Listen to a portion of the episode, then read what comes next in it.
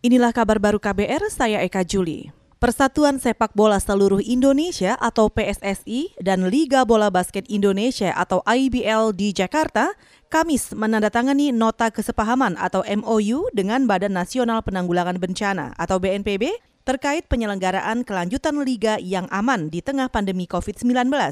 Kerjasama itu bertujuan untuk memastikan bahwa seluruh kegiatan, termasuk latihan dan kompetisi, nantinya bakal berjalan sesuai dengan protokol kesehatan. Liga 1 Indonesia 2020 yang dihentikan sejak Maret akhirnya mendapatkan lampu hijau untuk kembali dilanjutkan mulai 1 Oktober.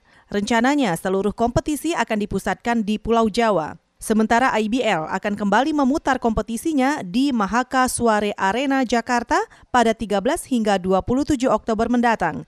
Kedua kompetisi ini akan digelar tanpa penonton. Saudara pemerintah Provinsi Jawa Barat menyatakan bakal melarang warga DKI Jakarta untuk berwisata ke wilayahnya. Ini dilakukan guna mencegah penyebaran COVID-19.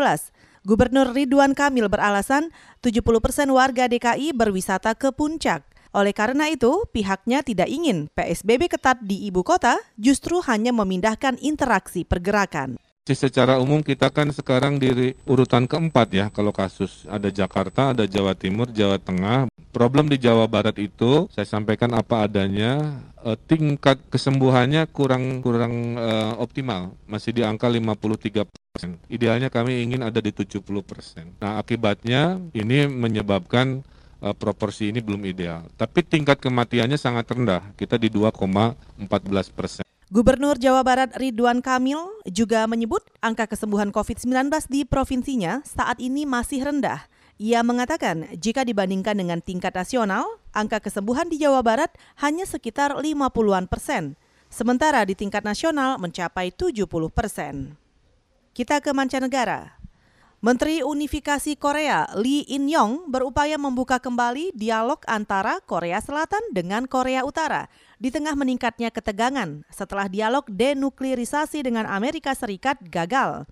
Inisiatif itu terjadi hanya berselang beberapa hari sebelum peringatan ulang tahun KTT antar Korea. Pernyataan Lee ini disampaikan setelah Korea Utara memutuskan untuk menghancurkan kantor penghubung antar Korea yang berada di perbatasan kedua negara beberapa bulan lalu.